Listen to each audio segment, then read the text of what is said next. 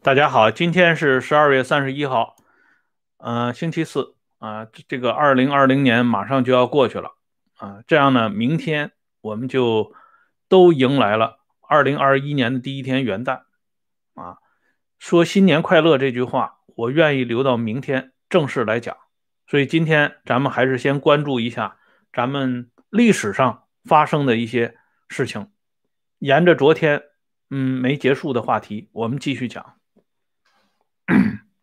在昨天呢，我们的节目里边给大家简单的分析了一下啊，毛泽东在发动文化大革命之前的一些心路轨迹。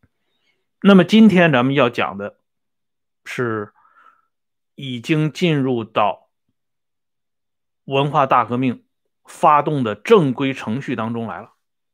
这就是说，四清运动这场小文革。由于他的到来，让毛泽东和刘少奇，让毛泽东和中央第一线的领导人之间的矛盾逐渐公开化，他们之间的分歧也变得越来越大。为什么用三个女人一台戏来形容呢？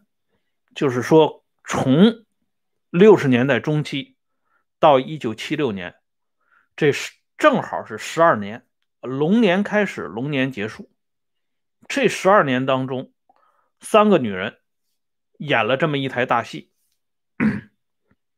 六十年代中期打头的这个女人，就是刘少奇的老婆王光美。著名的桃园经验就是来自于王光美。而中间这一段是两个女人合唱一台戏，江青、叶群。统帅的老婆和副统帅的老婆，最后这几年呢，就江青一个人唱独角戏，直到他被捕为止。虽然他们的背后都站着更为重量级的人物，但这三个人在人家搭好台之后唱的这几出戏也是非常精彩的。所以今天我们先来看王光美唱的第一台戏。这里边就涉及到王光美的丈夫刘少奇。时间进入到六十年代中期，啊，我们这个盐碱地发生了重大的变化。老百姓在一九六二年下半年、一九六三年下半年，北京市的老百姓啊，可以吃上啊花生米了。可以吃上那种散装的糖块了，啊，可以吃上那种啊带鱼了。逢年过节的时候，菜篮子比一九六零年、六一年要丰富了一些。这肚子刚刚填饱，运动又来了。因为城市呢是保障供给的重要区域，不能动。所以这一次眼睛又放到了农村，又是搞农村包围城市这一套。因此，这一次社会主义教育运动、社教运动，主要盯的就是农村。四清呢，一开始是清工分、清财务、清仓库，瞄准的是这些小小的细节。后来就上升到清思想、清政治、清组织、清经济，大四清运动。而在整个的四清运动当中，有几个重要的点位，前十条、后十条、二十三条，这是党史上经常讲的，啊，这个都是简简称简称。前十条就是中共中央关于啊农村社会主义教育运动啊，就是中共中央关于目前农村工作中若干问题的决定草案。这叫前十条，后十条呢，就是关于农村社会主义教育运动中的一些具体政策问题，这叫后十条。后边呢还有一个二十三条，二十三条呢就是农村社会主义教育运动中目前提出的一些问题。毛刘两个人他们的分歧出现在后十条，爆发于二十三条。所以后来毛泽东在同老朋友斯诺谈话的时候，他就讲过，他说在起起草二十三条的时候，就已经决定要把刘少奇搞掉了。实际上，这个时间呢还要往前推，但是应该讲，毛至少说出了一部分真话。二十三条起草过程当中，是毛刘两个人最终决定分手的时间点，或者叫重要的时间点。可是，在这些事情发生之前，刘少奇在那个时候可以讲是红的发紫的一个人啊。这个少奇同志那个时候，他的光彩真的已经到了他人生的巅峰状态。为了推动四清运动，中共中央决定成立四清五反指挥部。这个指挥部呢，就由刘少奇来挂帅，主抓邓小平、彭真、谢富治。这三个人啊，大家也已经能够看到，书记处啊，啊，政法口都由刘少奇来抓。而且就在这个时间段，一九六四年的夏天，毛泽东还有一个重要的提议，就是说，刘少奇同志的照片可以跟毛泽东同志的照片放在一起。这刘少奇一开始是不同意的，啊，他是坚决反对这么做。他说：“我们党只有一个领袖，那就是毛泽东同志。我们这些人只是毛泽东同志的助手，所以我们的照片是不能跟主席的照片放在一起的。”但是毛泽东又讲了，说这个呢要内外一致。啊，因为我们有党的主席，还有国家主席，外国人不明白我们的名堂，所以我们要把国家主席的照片也摆到啊新闻媒体上，让外国人明白我们还有一个国家主席。这主要是对外宣传方面的，这个不要讲客气。刘少奇一听啊，那我就服从组织上的安排吧。具体安排照片的时候，新华社的人往上边请示，说是不是啊毛泽东同志的照片大一些，刘少奇同志的照片小一些呢？这样也能体现出这种规格上的高下之分。这话啊请示到毛泽东那里以后，毛泽东说什么大呀小啊一样大，我和少奇同志的照片。都要一样的规格，见报。这样呢，《人民日报》《解放军报》啊，包括《红旗》这两报一刊，在宣传领袖和刘少奇的时候，两张照片并挂。所以那个时候，刘少奇真的是很威风啊！再加上康生领衔啊，主编刘少奇选集。可以说，刘少奇这个时候是风生水起。更主要的是，他的老婆王光美，呃，也走到了前台。四星运动，王光美也是出尽了风头。不过，关于王光美的话题，咱们放在后边说。现在呢，咱们还是先说刘少奇。这刘少奇在六十年代中期的夏天里边。他的表现特别值得一提。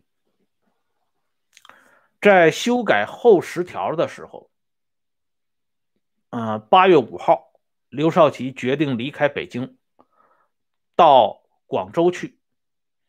在离开北京之前，发生了这样一幕情景，大家看一下，这是李欣先生的回忆录。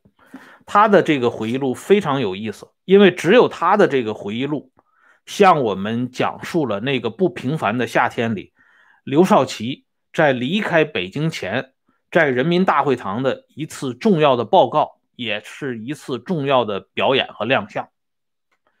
因为在大家心目当中，刘少奇是一个非常严谨的领导人，平常非常严肃，不苟言笑，表里如一。可是这一次，啊，这夏天的时候，在人民大会堂举行重要报告，刘少奇在台上的那一番表态、动作以及啊音容笑貌，让李欣。这样一个书生，都不得不感到非常吃惊，啊，就是说这还是当年的少奇同志吗？因为以前刘少奇在抗日战争时期做报告的时候，李欣曾经做过听众，他聆听过刘少奇的讲话。刘少奇这个人严厉，确实是严厉，但是还没有到张牙舞爪的地步。可是这一年夏天。刘少奇在人民大会堂的演讲，让李欣有一种恍如隔世的感觉。啊，李欣的回忆呢，因为是当事人，就显得非常的重要和精彩。他说：“这个报告要求不得缺席，在京的政治局委员和所有的元帅们都到了，全场鸦雀无声，而且一开始没跟大家说是谁做报告。”等到大幕徐徐拉开之后，大家才知道是刘少奇要做报告，而且由周恩来啊引领着刘少奇走到台中央。刘刘少奇坐好以后，周恩来向大家宣布说：“今天请少奇同志给大家讲话。”这桌子上呢，一般都摆着这种扩音器，但是刘少奇没有那么稳稳当当的坐在桌前讲，而是站起来，背着双手在台上走来走去，所以那个扩音器传递的声音呢，一时大一时小，听起来就特别费劲。刘少奇讲话的内容，主要就是说，四清运动已经起来了。可是有很多中央和各部门的领导人居然不下去，啊，还在上边做官当老爷。每年至少要有三分之一的时间到下边去，你们为什么不下去？王光美已经下去了，王光美下去以后，不就发现了很多问题吗？他现在也写出东西来了，总结了许多新经验。很有意思，我希望大家赶紧下去。啊，刘少奇呢，还有一个规定，嗯，这个规定是这么讲的，他说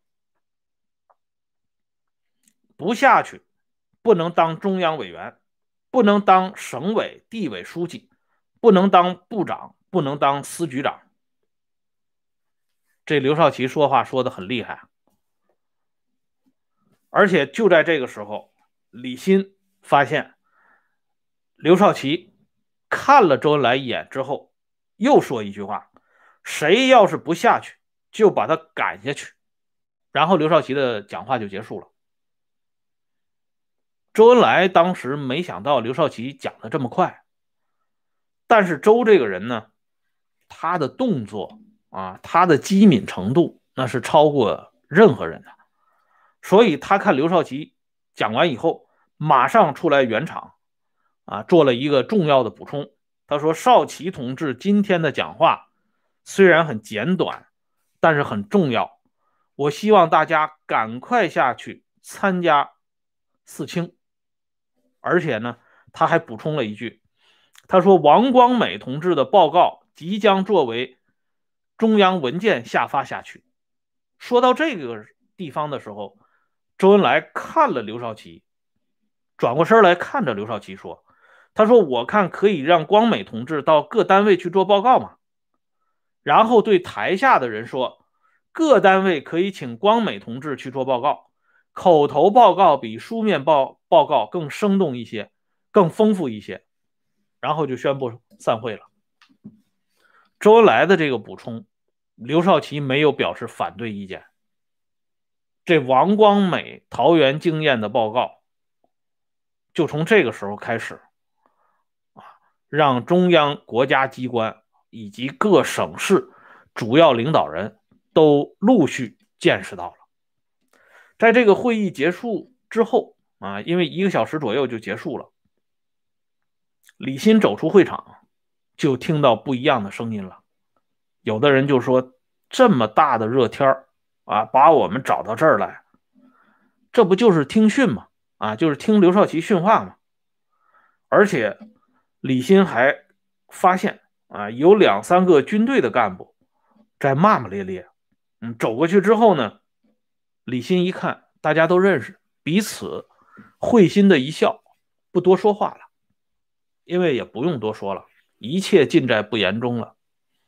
而历史上记载，就在这年夏天，刘少奇脾气非常大。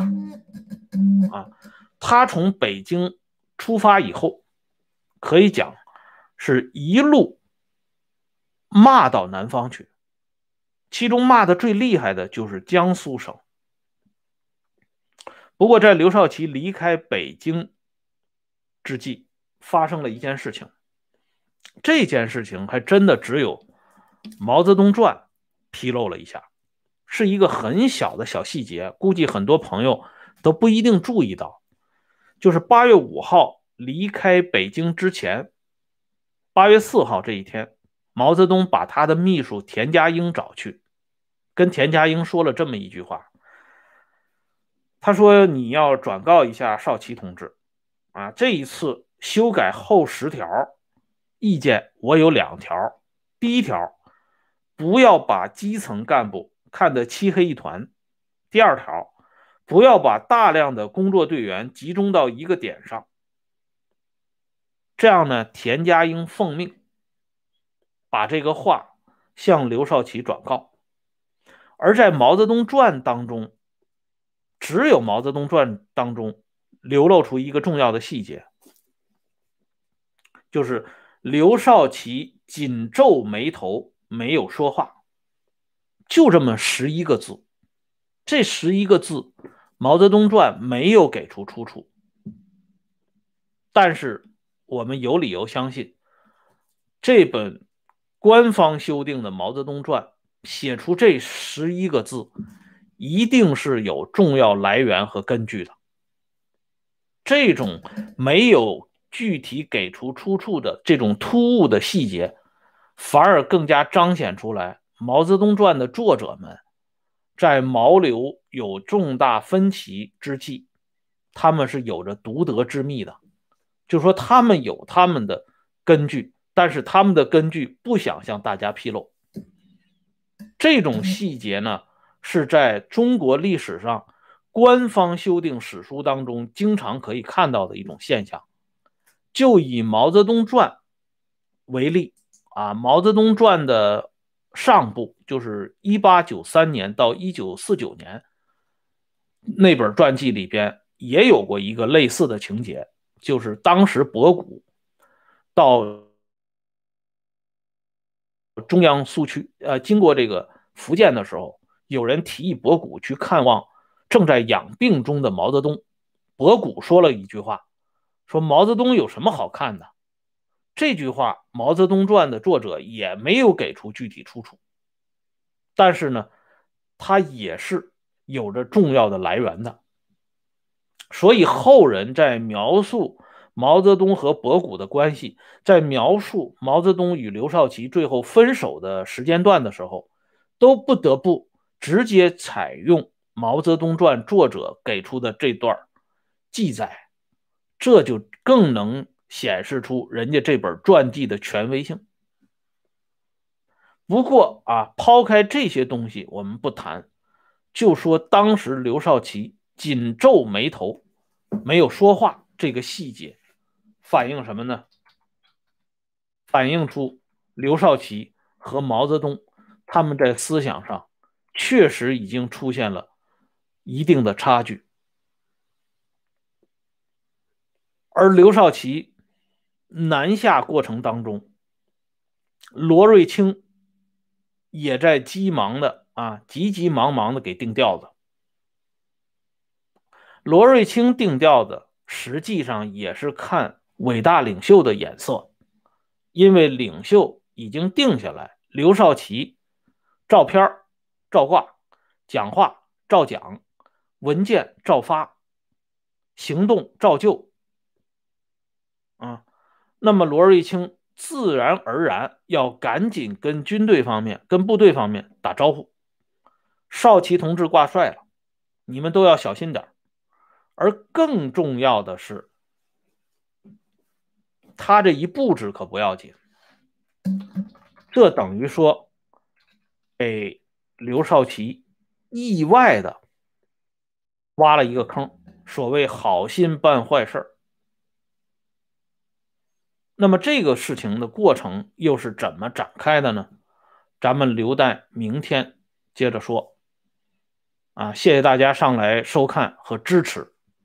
下面呢，我把温相说时政会员频道给大家发一下链接，感兴趣的朋友可以参加温相说时政会员频道。